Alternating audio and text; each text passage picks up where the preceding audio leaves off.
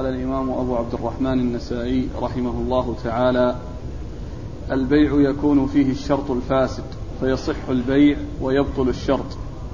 قال أخبرنا قتيبة بن سعيد قال حدثنا جرير عن منصور عن إبراهيم عن الأسود عن عائشة رضي الله عنها أنها قالت اشتريت بريرة فاشترط أهلها ولاءها فذكرت ذلك للنبي صلى الله عليه وآله وسلم فقال أعتقيها فإن الولاء لمن أعطى الورق. قالت فأعتقتها. قالت فدعاها رسول الله صلى الله عليه وآله وسلم فخيرها من زوجها فاختارت نفسها وكان زوجها حرا. بسم الله الرحمن الرحيم. الحمد لله رب العالمين وصلى الله وسلم وبارك على عبده ورسوله نبينا محمد وعلى آله وأصحابه أجمعين أما بعد. يقول الإمام النسائي رحمه الله البيع يكون فيه الشرط فيصح البيع ويبطل الشرط. يكون فيه الشرط الفاسد. البيع يكون فيه الشرط الفاسد فيصح البيع ويفسد الشرط. لما ذكر في الترجمة السابقة البيع الذي يكون فيه شرط فيصح البيع ويصح الشرط معا ذكر في هذه الترجمة البيع الذي يكون فيه شرط فاسد فيفرق بين العقد وبين الشرط فيصحح العقد ويبقى نافذ المفعول ويبطل الشرط فلا يعول عليه ويكون وجوده كعدمه. هذا هو المقصود بالترجمة. أي أن الشرط أحيانا يكون معتبرا لأنه ليس بفاسد فيصح البيع والشرط كما في الباب السابق وفي بعض الأحيان يكون الشرط فاسدا فيفرق بينه وبين العقد فيصحح العقد ويبطل الشرط. وقد أورد النسائي حديث عائشة رضي الله عنها في قصة بريرة وأن عائشة اشترتها لتعتقها فقال أهلها الذين أرادوا بيعها إنهم يريدون أن يكون الولاء لهم. إذا اعتقتها عائشة التي اشترتها للعتق يكون الولاء لهم وليس لعائشة. طبعا هذا الشرط فاسد لأن الولاء لمن حصل منه الاعتاق وهؤلاء ما حصل منهم اعتاق وإنما هؤلاء باعوا وأخذوا الفلوس وأخذوا القيمة للأمة المبيعة. فكيف يكون لهم الولاء؟ بل الولاء لمن حصلت منه النعمة ولمن حصل منه الإعتاق ولمن حصل منه الإحسان. وقد وقد جاء في الحديث الولاء لا يباع ولا يوهب يعني لأنه كالنسب كما هو معلوم لا يتطرق إليه لا يتطرق إليه بيع ولا يتطرق إليه هبة وإنما هو شيء ثابت. فالذي يتولى النعمة ويحسن إلى الرقيق بإعتاقه هو الذي يكون له الولاء. وليس لمن باعه يريد المال وإنما لمن اعتقد اعتقه يريد الأجر والثواب من الله عز وجل هذا هو الذي يكون له الولاء. فلما اشترت عائشة بريرة رضي الله تعالى عنهما وكان أهلها قد اشترطوا أن يكون الولاء لهم أخبرت النبي صلى الله عليه وسلم بهذا الشرط فقال أعتقيها لأن الشراء قد وجد. قال أعتقيها يعني البيع صح فلها التصرف فيه لأنها ملكت. وهذا الشرط الذي جاء في البيع وهو أن يكون الولاء لهم هذا يبطل ويلغو ويكون وجوده كعدمه قال أعتقيها يعني أنك ملكتيها فأعتقيها. والولاء لمن اعتق. وهم لم يعتقوا حتى يكون لهم الولاء. وإنما أنت الذي التي اعتقت فيكون لك الولاء. اقرأ الحديث. أوله؟ إيه؟ قالت اشتريت بريرة فاشترط أهلها ولاءها. اشتريت بريرة فاشترط أهلها ولاءها. يعني هي تم الشراء بينها وبينهم إلا أن أهلها اشترطوا أن يكون الولاء لهم لأنهم علموا أنها شرتها للعتق. فإذا قالوا نريد أن يكون الولاء لنا ما دام أنها عتيقة عتيقة فنحن نريد أن يكون الولاء لنا. فنعم فقالت فذكرت ذلك للنبي صلى الله عليه وآله وسلم فقال اعتقيها فإن الولاء لمن أعطى الورق. فذكرت ذلك للنبي صلى الله عليه وسلم. يعني الشرط الذي حصل منهم الشراء الذي حصل منها والشرط الذي حصل منهم فالنبي صلى الله عليه وسلم قال اعتقيها لأنها ملكتها. فإن الولاء لمن أعطى الورق. يعني الولاء لمن دفع النقود ولمن جاد بالمال ولمن حصل من الإحسان. هذا هو الذي يكون له الولاء. لا يكون لمن آه طلب الورق ولمن طلب الدنيا وإنما هذا الذي حصل الأجر وفعل الإحسان. وبذل النعمة للرقيق إذ أنعم عليه بالعتق هذا هو الذي يكون له يكون له الإحسان ويكون له النتائج المترتبة على هذا الإحسان وهي الولاء. فإن الولاء لمن أعطى الورق الورق هو الفضة. نعم.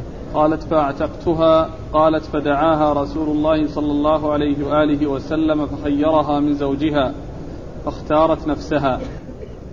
ثم ذكر بعد ذلك أن يعني آه أنه حصل في قصة بريرة أيضا فوائد أخرى غير مسألة العتق والولاء وأنه لمن يكون لمن يكون ولاء بل كان في قصة بريرة يعني ثلاث سنن منها هذه السنة التي فيها أن الولاء لمن اعتق وأنه لا يكون لغيره.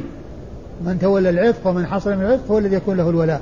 والمسألة الثانية التخيير تخيير الأمة المعتقة التي حصل لها العتق إذا كانت تحت عبد فإنها تخير بين أن تبقى في عصمته ويبقى الزواج على ما هو عليه مستمرا أو أنها تختار نفسها فيعني يكون الفرق بينهما ولا يكون للزوج عليها سبيل لأنها آآ آآ لأنها لم تبقى على ما كان عليه هو من العبودية بل حصلت لها الحرية بل حصلت لها الحرية. والمعروف والمشهور والثابت أنها أنه كان عبدا. وقد جاء في هذه الرواية أنه كان حرا. وهذه رواية تخالف الروايات الأخرى الدالة على أنه كان عبد وأيضا من من من جهة المعنى لو كان حرا هو تكون ساوته في الحرية. عندما عتقت وكانت أما ساوته في الحرية ماثلته.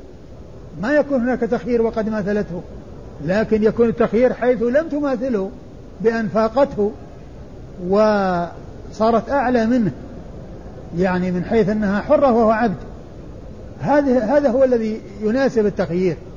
أما إذا كان هو حرا من قبل ثم ساوته وحصل لها شيء انتقلت من كونها أمة إلى كونها حرة صارت مساوية له.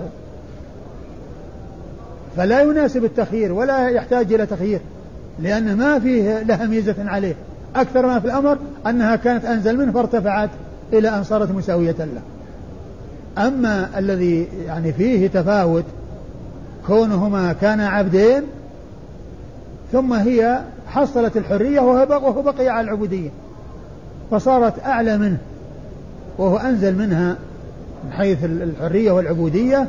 فعند ذلك خيرها رسول الله صلى الله عليه وسلم فاختارت نفسها ولم تقبل البقاء معه. ولم تقبل البقاء معه. والرواية التي جاءت هنا وكان وكان حرا هذه رواية شاذة مخالفة للروايات الأخرى التي هي كونه عبدا وأنه وأنها لما آه، اعتقت آه، تميزت عليه حيث ظفرت بالحرية وهو بقي على العبودية فخيرت بين أن تبقى معه وأن تفارقه فاختارت فراقه. أيوة. قال أخبرنا قتيبة بن سعيد. ما في وكان عبدا هنا؟ وكان, وكان زوجها حرا. وكان زوجها نعم وكان زوجها حرا. نعم. قال أخبرنا قتيبة أخبرنا قتيبة بن سعيد بن جميل بن طريف البغلاني ثقة ثبت أخرج له أصحاب الكتب الستة أخرج له أصحاب الكتب الستة نعم عن جرير عن جرير بن عبد الحميد الضبي الكوفي وهو ثقة أخرج له أصحاب الكتب الستة. عن منصور. عن منصور بن المعتمر الكوفي وهو ثقة أخرج له أصحاب الكتب الستة. عن إبراهيم. عن إبراهيم بن يزيد بن قيس النخعي الكوفي وهو ثقة فقيه أخرج له أصحاب الكتب الستة وهو الذي اشتهر عنه الكلمة المشهورة التي يعبر بها الفقهاء في قولهم ما لا نفس له سائلة لا ينجس الماء إذا مات فيه. ما لا نفس له سائلة لا ينجس الماء إذا مات فيه. يعني مثل الذباب والنفس السائلة الدم. يعني مثل الذباب وغيره من الأشياء التي لا دم فيها إذا وقعت في الماء وماتت فيه فإنه لا يكون نجسا. ويستدلون على ذلك بحديث غمس الذباب بالماء إذا وقع فيه. وأمر النبي صلى الله عليه وسلم بغمسه واستعماله. قالوا قد يكون الماء حارا ويترتب على غمسه في الحار أن يموت فيترتب على ذلك أن الذي أن أن ما لا نفس له سائلة إذا مات في الماء لا ينجسه لأنه يترتب على غمس الذباب في الماء إذا كان حارا أن يموت. ومع ذلك الرسول صلى الله عليه وسلم أمر باستعماله فدل على أن ما لا نفس له سائلة لا ينجس الماء إذا مات فيه. قال ابن القيم رحمه الله في كتابه زاد المعاد في هذه خير العباد وأول من حفظ عنه في الإسلام أنه عبر بهذه العبارة فقال ما لا نفس له سائلة لا ينجس الماء إذا مات فيه إبراهيم النقعي. وعنه تلقاها الفقهاء من بعده. وعنه تلقاها الفقهاء من بعده. وفي حديث مشهور يعني آه على الألسنة يأتي قال يقولون هذا حديث ما لا نفس له سائلة لا ينجس الماء إذا مات فيه وهو ليس بحديث وإنما هو كلام إبراهيم النخعي هو أول من عرف عنه أنه عبر بهذه العبارة فقال ما لا نفس له سائلة لا ينجس الماء إذا مات فيه. وممن وهم في ذكر هذا حديثا ابن القيم نفسه في كتاب الروح. في كتاب الروح قال وفي الحديث ما لا نفس له سائلة لا ينجس الماء إذا مات فيه. وفي الحديث ما لا نفس له سائلة عندما جاء عند الفرق بين الروح والنفس وما تطلق عليه الروح وما تطلق عليه النفس وأن الروح قد تطلق على أن الروح والنفس يطلقان على يعني هذه الروح التي بها حياة الإنسان. يقال له نفس ويقال لها روح. قال خرجت نفسه وخرجت روحه. بمعنى واحد خرجت نفسه يعني مات. خرجت روحه مات. لأن الإنسان مكون من جسد وروح. فإذا خرجت الروح من الجسد مات. يعني الإنسان. فصار جسدا يعني بلا روح يعني فارقته الروح. وانتهت الحياة. آه، فذكر أن الروح والجسد يأتيان لمع يعني يتفقان في إطلاق يعني هذا يعني هذا المخلوق الذي تكون به الحياة حياة الجسد. ويطلق الدم ويطلق وتطلق النفس على الدم. ثم قال وفي الحديث ما لا نفس له سائلة. لا ينجس الماء إذا مات فيه والروح أيضا تطلق على معاني أخرى مثل مثل جبريل ومثل الوحي. يعني يطلق على جبريل أنه روح ويطلق على الوحي بأنه روح. ويعني آه فعندما ذكر الفرق بين النفس والروح قالوا في الحديث ما لا نفس له سائلة. لا ينجس الماء إذا مات فيه وهذا مما يستدل وكتاب الروح به أشياء فيها يعني نظر لا سيما يعني في امور يعني يذكرها منامات واحتجاج بمنامات وما إلى ذلك. يعني مما يعني جعل بعض العلماء يعني يقول يعني يمكن أن يكون ليس لابن القيم هذا الكتاب لكنه هو لابن القيم بلا شك لأن هناك أدلة في كتاب الروح وفي غير كتاب الروح تدل على أنه ابن القيم. لكن يعني قد يعني يتبين أنه يعني ألفه في وقت مبكر. وأن تأليفه يعني لكتاب زاد المعاد ولغيره كان بعد ذلك. ولهذا قال في الأول وفي الحديث ما لا نفس له سائلة لا ينجس الماء إذا مات فيه وليس هناك حديث بهذا اللفظ. وفي كتاب زاد المعاد قال وأول من حفظ عنه في الإسلام أنه عبر بهذه العبارة فقال ما لا نفس له سائلة لا ينجس الماء إذا مات فيه إبراهيم النخعي. وعنه تلقاها الفقهاء من بعده. يعني صاروا يعبرون بهذه العبارة. نعم. عن الأسود. عن الأسود بن يزيد بن قيس النخعي وهو ثقة مخضرم أخرجه أصحاب الكتب الستة. عن عائشة. عن عائشة أم المؤمنين رضي الله تعالى عنها وأرضاها الصديقة بنت الصديق وهي من أوعية السنة وهي أكثر النساء حديثا على الإطلاق عن النبي صلى الله عليه وسلم والذين عرفوا بكثرة الحديث عن النبي صلى الله عليه وسلم سبعة أشخاص. ستة رجال وامرأة واحدة وهذه المرأة هي أم المؤمنين عائشة رضي الله تعالى عنها وأرضاها. قال أخبرنا محمد بن بشار. قال حدثنا ها؟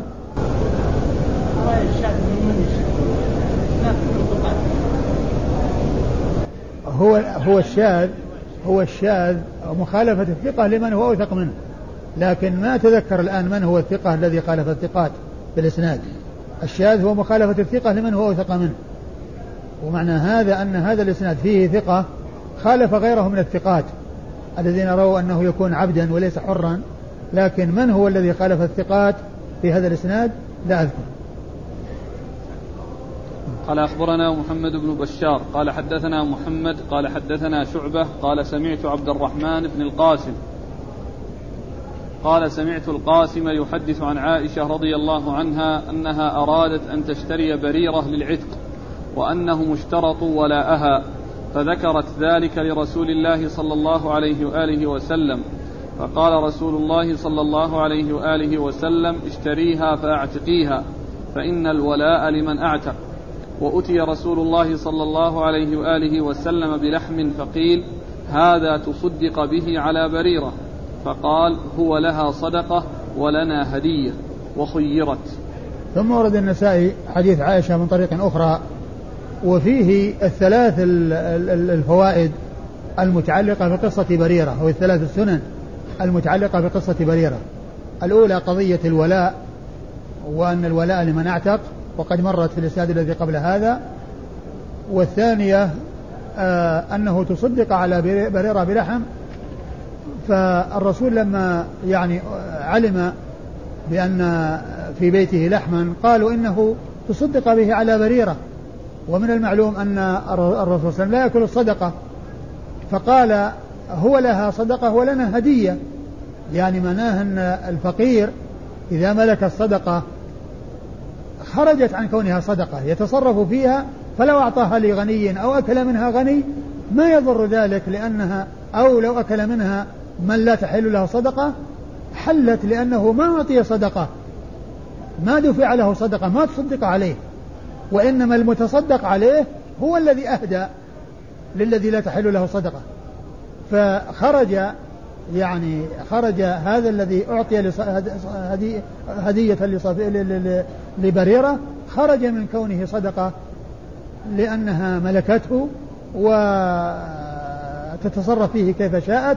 فإذا أعطته أو أهدت لمن لا تحل له صدقة فإنه لا يعتبر صدقة ولا يقال إنه أكل الصدقة لأنه ما أكل صدقة ما تصدق عليه غني وإنما فقير تصدق عليه ثم هو أطعم من لا تحل له صدقة. فدل ذلك على أن أن أن الشيء يتحول وينتقل من كونه لا يحل إلى كونه يحل لأن نفس الطعام كان صدقة. وكان لا يحل لو أعطي النبي صلى الله عليه وسلم. لكنه أعطي لمن تحل له وهو بريرة وبريرة أعطت الرسول صلى الله عليه وسلم هدية. فصار الشيء الذي هو صدقة ولا يحل لآل محمد تحول من كونه صدقة إلى كونه هدية بإعطائه من لا تحل له الصدقة. فدل هذا على أن الفقير الذي يعطى صدقة إذا أعطى منها لمن لا تحل له صدقة هدية فإنه خرج عن كونه صدقة وصار هدية تحل أو يحل لمن آه يعني آه أعطيت له ممن لا, ممن لا تحل له الصدقة. ثم قال وخيرت أي خيرت في زوجها هذا مجمل. خيرت يعني في زوجها وكان يعني عبدا فاختارت نفسها. فدل هذا على أن الأمة إذا عتقت وهي تحت عبد فإنها تخير بين البقاء معه حيث يعني أرادت أن تبقى وإن أرادت مفارقته وعدم البقاء معه فإن لها أن تختار نفسها. وبريرة رضي الله عنها لما خيرت اختارت نفسها. نعم. قال أخبرنا محمد بن بشار. محمد بن بشار هو البصري. الملقب بن دار وهو ثقة أخرج له أصحاب الكتب الستة بل هو شيخ لأصحاب الكتب الستة. رووا عنه مباشرة وبدون واسطة. عن محمد وهو بن جعفر الملقب غندر. محمد الملقب جعفر الملقب غندر. محمد بن جعفر الملقب غندر. يأتي بكنيته يأتي بلقبه غندر أحيانا ويأتي باسمه منسوبا وغير منسوب. وإذا جاء محمد يروي عنه يروي عن شعبة ويروي عنه محمد بن بشار أو محمد بن مثنى وهو مهمل غير منسوب فالمراد به محمد بن جعفر. كثيرا ما يأتي مهملا. المهمل هو الذي يذكر اسمه ولا يذكر نسبه فيكون محتمل لعدة أشخاص. فينصرف إلى من يكون يعني للتلميذ أو الشيخ به خصوصية. وهنا محمد بن بشار يعني شيخ محمد بن جعفر وهو مشهور بالأخذ عنه وكذلك هو مأخوذ مشهور بالرواية عن شعبة.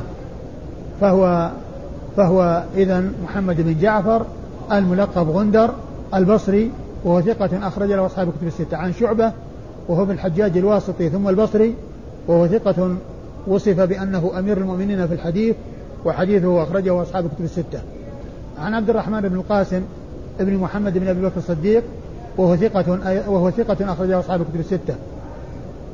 عن أبيه القاسم بن محمد بن أبي بكر الصديق وهو ثقة فقيه من فقهاء المدينة السبعة في عصر التابعين وهم عبيد الله بن عبد الله بن عثمان مسعود وخارجة بن زيد بن ثابت والقاسم بن محمد هذا وعروة بن الزبير وخارجة آه، آه، وعروة بن الزبير سعيد المسيب وسليمان بن يسار. هؤلاء ستة متفق على عدهم في الفقهاء السبعة والسابع فيه ثلاثة أقوال قيل السابع أبو سلمة بن عبد الرحمن بن عوف وقيل أبو بكر بن عبد الرحمن بن الحارث بن هشام وقيل سالم بن عبد الله بن عمر بن الخطاب. والقاسم هذا أخرج له أصحاب الكتب الستة بل إن كل الفقهاء السبعة أخرج لهم أصحاب الكتب الستة. عن عائشة. عن عائشة وقد مر ذكرها. قال أخبرنا قتيبة قتيبة بن سعيد عن مالك عن نافع عن عبد الله بن عمر رضي الله عنهما أن عائشة رضي الله عنها أرادت أن تشتري جارية تعتقها فقال أهلها نبيعكها على أن الولاء لنا فذكرت ذلك لرسول الله صلى الله عليه وآله وسلم فقال لا يمنعك ذلك فإن الولاء لمن أعتق. ثم أورد النسائي حديث عائشة من طريق أخرى وهو يتعلق بقصة بريرة وهو مختصر ليس فيه إلا ذكر المسألة الأولى التي هي مسألة أن الولاء لمن أعتق. يعني السنن الثلاث التي في حديثها وفي قصتها في قصتها يعني جاء في هذه الرواية هذه الحالة التي هي آه، كون الولاء لمن اعتق وقد مر ذلك. والإسناد؟ قال أخبرنا قتيبة بن سعيد عن مالك. قتيبة بن سعيد مر ذكره ومالك هو بن أنس إمام دار الهجرة الإمام الفقيه المشهور. عن نافع. نعم. عن نافع مولى بن عمر وهو ثقة أخرجه أصحاب كتب الستة. عن عبد الله بن عمر بن الخطاب رضي الله تعالى عنهما وهو أحد العبادلة الأربعة من أصحاب النبي عليه الصلاة والسلام وأحد السبعة المعروفين بكثرة الحديث عن النبي صلى الله عليه وسلم. أيوه. عن حديث عبد الله. أن عائشة أي. في حديث عبد الله نعم. أن عائشة لأنه يحكي عن قصة عائشة فهو حديث عبد الله. وعلى هذا فالإسناد من رباعيات النسائي وهو, وهو أعلى ما يكون عند النسائي أي أن الرباعيات هي أعلى إسناد عنده لأنه لأن بينه وبين النبي صلى الله عليه وسلم أربعة أشخاص. قال رحمه الله تعالى بيع المغانم قبل أن تقسم. قال أخبرنا أحمد بن حفص بن عبد الله قال حدثني أبي قال حدثني إبراهيم عن يحيى بن سعيد عن عمرو بن شعيب عن عبد الله بن أبي نجيح عن مجاهد عن ابن عباس رضي الله عنهما أنه قال نهى رسول الله صلى الله عليه وآله وسلم عن بيع المغانم حتى تقسم وعن الحبالى أن يوطأن حتى يضعن ما في بطونهن وعن لحم كل ذي ناب من السباع. ثم ورد النسائي هذه الترجمة وهي بيع المغانم قبل أن تقسم أي أنه لا يجوز لأن الإنسان لا يعرف نصيبه ولا يعرف الشيء الذي يعني يقع عليه البيع. فالمبيع مجهول لأن لأن الشيء الذي سيقع في حوزته وسيخصه من هذه المغانم مجهول. فإذا لا يجوز قبل أن تقسم وإذا قسمت وكل عرف نصيبه وقبضه يتصرف فيه. أما قبل أن يعرف نصيبه وقبل أن يتعين نصيبه فإنه لا يجوز بيعه لأنه بيع مجهول. ومن شرط المبيع أن يكون معلوما أن يكون معلوما وليس بمجهول. وقد أورد النسائي حديث عبد الله بن عباس بن عباس؟ نعم. حديث عبد الله بن عباس رضي الله تعالى عنهما أن النبي صلى الله عليه وسلم نهى عن بيع المغانم قبل أن تقسم. وهذا هو محل الشاهد. نهى عن بيع المغانم يعني كل إنسان يبيع نصيبه من المغنم قبل القسمة. لأنه إذا إذا حصلت القسمة كل عرف نصيبه ويتصرف فيه. وقبل القسمة مجهول. ما يعرف إيش يكون نصيب هذا وإيش يكون نصيب هذا. وعن الحبالة حتى وعن الحبالة أن يوطأن الحبالة أو الحبالة ما أتذكر يعني إيش يعني هو ضابطها بالفتح. بفتح أي إيه هو المفرد حبلى لكن هل الجمع يكون حبالة؟ ما ما أتذكر لا أدري. وعن الحبالة أو الحبالة حتى لا أن يوطأن حتى حتى يضعن ما في بطونهن. إذا كنا حوامل يعني. يعني السبي حينما تسمى تسبى الإماء وهي حوامل لا يطأها من تكون في حوزته أو تكون نصيبه من المغانم لا يطأها حتى تلد. لا يطأها حتى تلد ما دامت حاملا. وإذا كانت حائلا ليست بحامل تستبرأ بحيضة. يعني تترك حتى تحيض حيضة. يعني فالحال في السبي أنهن إن كن حوامل فلا يطأن حتى يضعن ما في بطونهن. وإن كن حوائل فإنهن يطأن بعد الاستبراء بحيضة. وهنا قال يعني حتى يضعن ما في بطونهن. يعني يعني وليس للإنسان أن أن أن يسقي زرع غيره وأن يعني آه، يجامع امرأة وفيها يعني آه، شيء لغيره أو فيها ولد لغيره أو فيها حمل من غيره. فإذا إذا سبيت آه، الأمة الحامل وصارت يعني نصيب أحد من الغانمين فلا يجوز لهذا الذي وقعت في نصيبه أن يطأها حتى تضع ما في بطنها. وعن؟ وعن لحم كل ذي ناب من السباع. وعن لحم كل ذي ناب من السباع. وعن لحم كل ذي ناب من السباع. يعني ال ال ال يعني ال ال مثل ما جاء في الحديث يعني يعني آه هذه الجملة هو عن كل ذي مخلب من الطير. يعني الفوارس الأشياء التي تفترس وتأكل يعني بأنيابها أو بمخالبها هذه لا يحل أكلها. وهذه من الأمور العامة والألفاظ الجامعة التي جاءت عن النبي صلى الله عليه وسلم وهي من جوامع كلمة عليه الصلاة والسلام كل ذي ناب من السباع ومخلب من الطير. يعني فإنه يكون حراما. يعني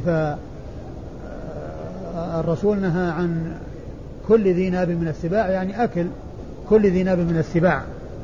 نعم. قال أخبرنا أحمد بن حفص بن عبد الله. أخبرنا أحمد بن حفص بن عبد الله وهو صدوق. نعم. أخرج حديثه. البخاري وأبو داود والنسائي. أو البخاري وأبو داود والنسائي. عن أبيه وهو صدوق أيضا أخرج حديثه البخاري وأبو داود والنسائي وابن ماجه. عن إبراهيم. عن إبراهيم بن طهمان وهو ثقة أخرج له أصحاب كتب الستة عن يحيى بن سعيد عن يحيى بن سعيد الأنصاري المدني وهو ثقة أخرج له أصحاب كتب الستة عن عمرو بن شعيب عن عمرو بن شعيب وهو صدوق أخرج حديث البخاري أخرج أخرج حديث البخاري في في جزء القراءة وأصحاب السنة الأربعة. عن عبد الله بن أبي نبي. وهذا يعني من رواية عمرو بن شعيب عن غير أبيه لأن المشهور والكثير يعني رواية عمرو بن شعيب عن أبيه عن جده لكنه أحيانا يكون له روايات ليست من ذلك الطريق المشهور كهذه الطريقة التي معنا فإنها ليست من طريق أبيه عن جده وهي قليلة والكثير في روايته هو روايته عن أبيه عن جده. عن عبد الله بن أبي نجيح. عن عبد الله بن أبي نجيح وهو ثقة أخرجه أصحاب الكتب الستة. عن مجاهد. عن مجاهد بن جبر المكي ثقة أخرجه أصحاب الكتب الستة. عن ابن عباس. عن ابن عباس عبد الله بن عباس بن عبد المطلب ابن عم النبي صلى الله عليه وسلم وأحد العبادله الأربعة وأحد السبعة المعروفين بكثرة الحديث عن النبي صلى الله عليه وسلم. قال رحمه الله تعالى بيع المشاع قال أخبرنا عمرو بن زرارة قال أنبانا إسماعيل عن ابن ج... عن ابن جريج قال أخبرني ابن قال أخبرني أبو الزبير عن جابر رضي الله عنه أنه قال قال رسول الله صلى الله عليه وآله وسلم الشفعة في كل شرك ربعة أو حائط لا يصلح له أن يبيع حتى يؤذن شريك حتى يؤذن شريكه. شريكه. حتى يؤذن شريكه. فإن باع فهو أحق به حتى يؤذنه. ثم ورد النسائي هذا الترجمة وهي بيع المشاع. المشاع هو ال ال الشيء المشترك الذي لا يعرف عين يعني آه نصيب كل واحد منهما. بمعنى يعني مثل يكون قطعة أرض يعني له له ربعها مشاع. ما يستطيع أن يقول هذه الزاوية لي أو هذا النص هذا الجهة لي بل كل كل يعني مقدار شبر يحتمل أن يكون نصيبه لأنه مشاع.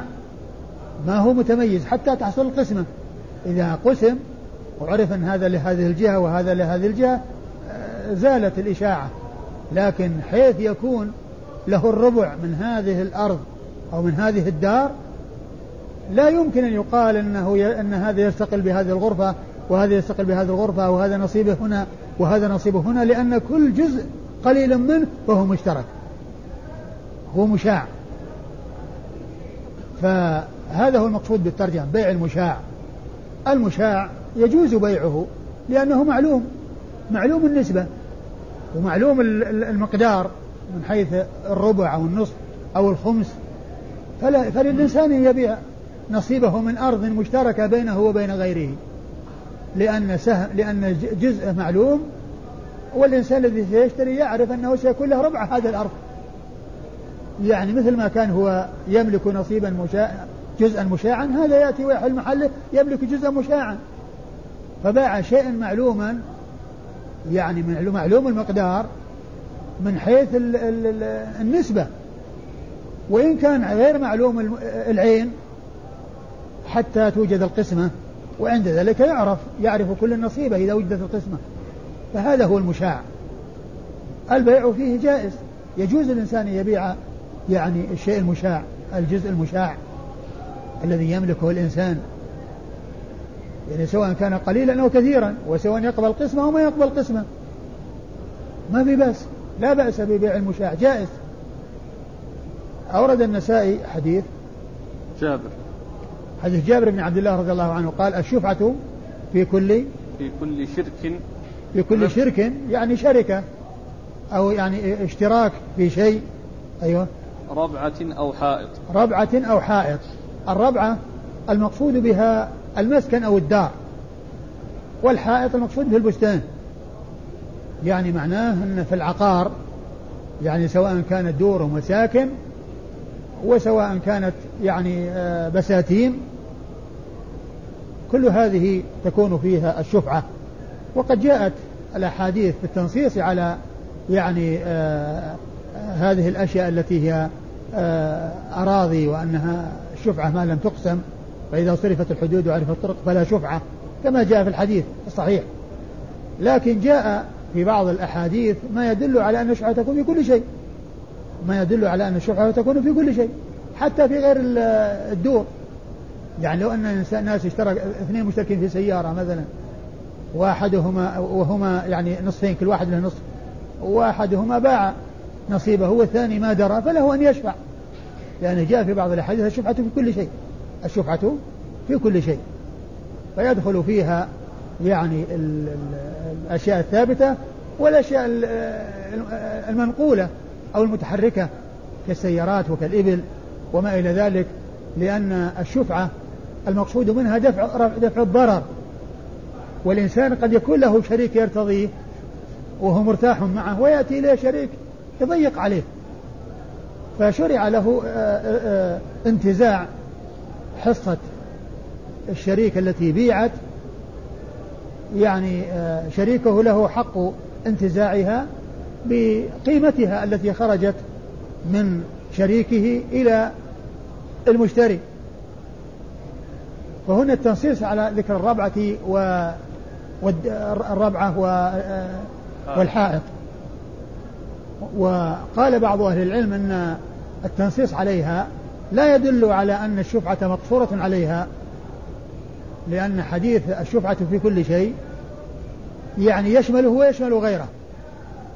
وقالوا أن التوفيق بين هذا وهذا أن هذا قالوا هو من قبيل القاعدة المشهورة إفراد إفراد بعض أفراد العام بحكم العام لا يخصص العام بل يبقى العام على عمومه.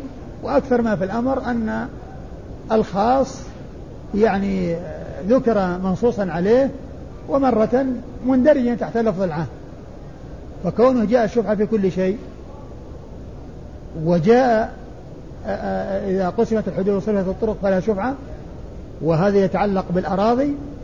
يعني لا يعني أن الأمر يقتصر على على الأراضي وإنما المقصود من هذا أن الأراضي نص عليها وهي داخلة تحت عموم الشفعة في كل شيء. فإذا بقي ذاك على عمومه ويدخل فيه هذا الذي نص عليه على سبيل الخصوص الذي هو ال ال الأشياء الثابتة كالدور والبساتين. الدور والبساتين. وهي قاعدة معروفة.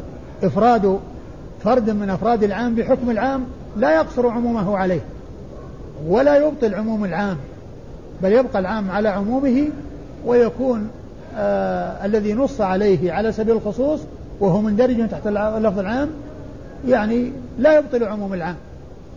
أكثر ما في الأمر أن الخاص جاء تنصيص عليه وجاء لفظ عام يشمله ويشمل غيره. يشمله ويشمل غيره. ويطلق على الدور وعلى المساكن أنها رباع. ومنه الحديث الذي يقول وهل ترك وهل ترك لنا عقيل من رباع؟ في قصة يعني دور مكة. تنزل في ذلك يا رسول الله؟ قال وهل ترك لنا عقيل من رباع قال لا يصلح له أن يبيع حتى يؤذن شريكه. لأن يعني لا يصلح له أي الشريك الذي يريد البيع أن يبيع حتى يؤذن شريكه. يقول لشريكه الذي هو مشارك له في, في هذا المشاع إنني أريد البيع. يعني حتى يكون على علم. حتى يؤذن شريك له شريكه. وبعض أهل العلم قال إن هذا إن هذا على سبيل الكراهة. وإلا فإنه لو باع ولم يؤذنه ولم يعلمه فإنه لا يأثم. وإنما من الآداب ومن المعاملة الطيبة أن الشريك لا يخفي على شريكه يعني ما يرغب فيه من من من آه ترك هذه الشركة والتخلص من هذه الشركة بل يخبره. حتى يكون على علم ويكون على بينة. آه إيش بعدين؟ فإن باع فهو أحق به حتى يؤذنه. فإن باع فهو أحق به حتى يؤذنه. يعني آه، إن باع أحد الشريكين فهو أحق به عن طريق الشفعة لأن الشفعة هي انتزاع حصة أحد الشريكين ممن انتقلت إليه من أجل دفع الضرر. ومن أجل يعني ال ال ال يعني تمكن الشخص من التصرف يعني في الكل على وجه يعني ما يترتب عليه مضرة مثل ما لو جاء شريك يعني ينغص عليه ويتعبه لأن الشركاء يختلفون. إنسان يريد أن يشارك شريك لأنه يعرف عنه المعاملة الطيبة ثم يذهب ذلك الشريك ويأتي مكانه شخص يؤذيه. فجاءت الشريعة بإباحة الشفعة وقد قال بها العلماء يعني كما دلت عليها الأحاديث وجاء عن الأصم وهو أبو بكر بن كيسان المعتزلي آه القول بعدم جوازها. وقال بعض أهل العلم ولم يخالف ولم يخالف في فهم فيها إلا الأصم وكان عن فهمها أصم وكان عن فهمها أصم وهو معتزلي يعني خلاف وجوده مثل عدمه. وهو الذي أيضا خالف في مسألة الكراء الإجارة. لأن الإجارة جائزة. يعني لا يعرف خلاف فيها إلا للأصم هذا وابن علية اللي هو الجهمي. وليس بن علي بن علية السني أبوه إسماعيل بن إبراهيم بن علية الذي يأتي ذكره في الأحاديث كثيرا. فذاك إبراهيم. وأخوه محمد بن إسماعيل من شيوخ النسائي يأتي ذكره أيضا وهو ثقة. لكن إبراهيم هو الذي إذا جاء في المسائل الفقه الشاذة التي فيها شذوذ ابن علية فالمراد في إبراهيم الذي هو ابن إسماعيل وقال عنه الذهبي في الميزان جهمي هالك هو جهمي هالك. أي نعم. كيف الضمائر هنا؟ فإن باع فهو يعود فإن باع فهو أي الشريك الذي لم يبع. أحق به حتى يؤذنه. أحق به أحق به أي بال بال بالسهم الذي يبيع يعني بانتزاعه حتى يؤذنه يعني آه يعني حتى يخبر وإذا أخبر وسكت وأقره نفذ البيع. ما هو معناه يعلم بأن البيع قد حصل ثم يسكت ثم بعد مدة يقول خلاص أنا بشفع لا وإنما تكون الشفعة عند العلم. عند علمه وإلا ينتهي حقه. نعم. أي بيع؟ لا ما هو بالبيع فاسد. البيع يصح. البيع يصح لكن إن إن كان يعني يعني هذا علم وسكت فسقط حقه من الشفعة وإن كان لم يعلم فإنه يستحق انتزاعها قال أخبرنا عمرو بن زرارة. عمرو بن زرارة ثقة أخرج حديثه البخاري وأبو داود النسائي. ومسلم والنسائي. البخاري ومسلم والنسائي. عن إسماعيل. عن إسماعيل وهو ابن علية. وهو إسماعيل بن إبراهيم مقسم آه، ابن علية. هذا هو الإمام المشهور من أهل السنة. وهو والد إبراهيم الذي أشرت إليه آنفا. ووالد محمد الذي يروي عنه النسائي ويأتي ذكره في بعض الأسانيد محمد بن إسماعيل. نعم. عن ابن جريج عن ابن جريج عن الملك بن عبد العزيز بن جريج المكي ثقة فقيه يرسل ويدلس وحديث أخرج أصحاب كتب الستة. عن أبي الزبير. عن أبي الزبير محمد بن مسلم بن تدرس المكي آه، صدوق يدلس أخرج حديث أصحاب كتب الستة. عن جابر. عن جابر بن عبد الله الأنصاري رضي الله تعالى عنهما صحابي ابن صحابي وهو أحد السبعة المعروفين بكثرة الحديث عن النبي صلى الله عليه وسلم. الراجح في مسألة لا يصلح له أن يبيع كراهة ولا التحريم. والله الذي يبدو أنه الكراهة لأن لأن لأن ما دام أن الشفعة حق له ما دام أن الشفعة له حق له لكن إخباره له يعني من باب المعاملة الطيبة والمخالقة الحسنة مع مع الشركاء يعني كونه يعني شريكه يكون على علم بما يريد أن يحصل منه. ولو أنه باع وهو لم يدري طبعا ما يؤثر لأن التخلص من الضرر سيكون. قال رحمه الله تعالى التسهيل في ترك الإشهاد على البيع. قال أخبرنا الهيثم بن مروان بن الهيثم بن عمران. قال حدثنا محمد بن بكار. قال حدثنا يحيى وهو ابن حمزة عن الزبيدي أن الزهري أخبره عن عمار بن خزيمة أن عمه حدثه وهو من أصحاب النبي صلى الله عليه وآله وسلم أن النبي صلى الله عليه وآله وسلم ابتاع فرسا من أعرابي واستتبعه ليقبض ثمن فرسه. فأسرع النبي صلى الله عليه وآله وسلم وأبطى الأعرابي. وطفق الرجال يتعرضون للأعرابي فيسومونه بالفرس. وهم لا يشعرون أن النبي صلى الله عليه وآله وسلم ابتاعه حتى زاد بعضهم في السوم على ما ابتاعه به منه. فنادى الأعرابي النبي صلى الله عليه وآله وسلم فقال إن كنت مبتاعا هذا الفرس وإلا بعته. فقام النبي صلى الله عليه وآله وسلم حين سمع نداءه فقال أليس قد ابتعته منك؟ قال لا والله ما بعتكه ما, ما بعتكه. فقال النبي صلى الله عليه وآله وسلم قد ابتعته منك. فطفق الناس يلوذون بالنبي صلى الله عليه وآله وسلم وبالأعرابي وهما يتراجعان. وطفق الأعرابي يقول هلم شاهدا يشهد أني قد بعتكه. قال خزيمة بن ثابت رضي الله عنه أنا أشهد أنك قد بعته. قال فأقبل النبي صلى الله عليه وآله وسلم على خزيمة فقال لم تشهد؟ قال بتصديقك يا رسول الله. قال فجعل رسول الله صلى الله عليه وآله وسلم شهادة خزيمة شهادة رجلين. ثم ورد النسائي هذه الترجمة وهي التسهيل في ترك الإشهاد على البيع. التسهيل في ترك الإشهاد على البيع. يعني أن الإشهاد على البيع ليس بلازم. لا شك أن الإشهاد على البيع يعني أمر يعني مطلوب وقد جاء وأشهدوا إذا تبايعتم كما جاء في القرآن. وفيه مصلحة وهي الرجوع إلى الشهود يعني في ما يجري من خلاف لو حصل خلاف بين المتبايعين. لكن ليس بلازما دائما وابدا. أقول ليس بلازم لأنه قد جاء ما يدل عليه. وذلك أن النبي صلى الله عليه وسلم آه، وقد أورد النسائي حديث عم حديث عم عمارة بن بن خزيمة عمارة بن خزيمة بن ثابت وقيل إن اسمه عمارة بن ثابت وكان من أصحاب النبي صلى الله عليه وسلم وذكر أن النبي عليه الصلاة والسلام اشترى فرسا من أعرابي وأن الرسول صلى الله عليه وسلم استتبعه وطلب منه أن يتبعه حتى يعطيه قيمته وذهب وأسرع الرسول صلى الله عليه وسلم وأبطأ الأعرابي. والناس ما عرفوا بالذي حصل من البيع والشراء فرأوا الفرس فجعلوا يسومونه ولا يعرفون أنه جرى حتى زادوا على السعر الذي أعطاه إياه رسول الله رسول الله صلى الله عليه وسلم. فعند ذلك طمع الأعرابي وأراد أن يتخلص من البيع الذي حصل مع الرسول صلى الله عليه وسلم.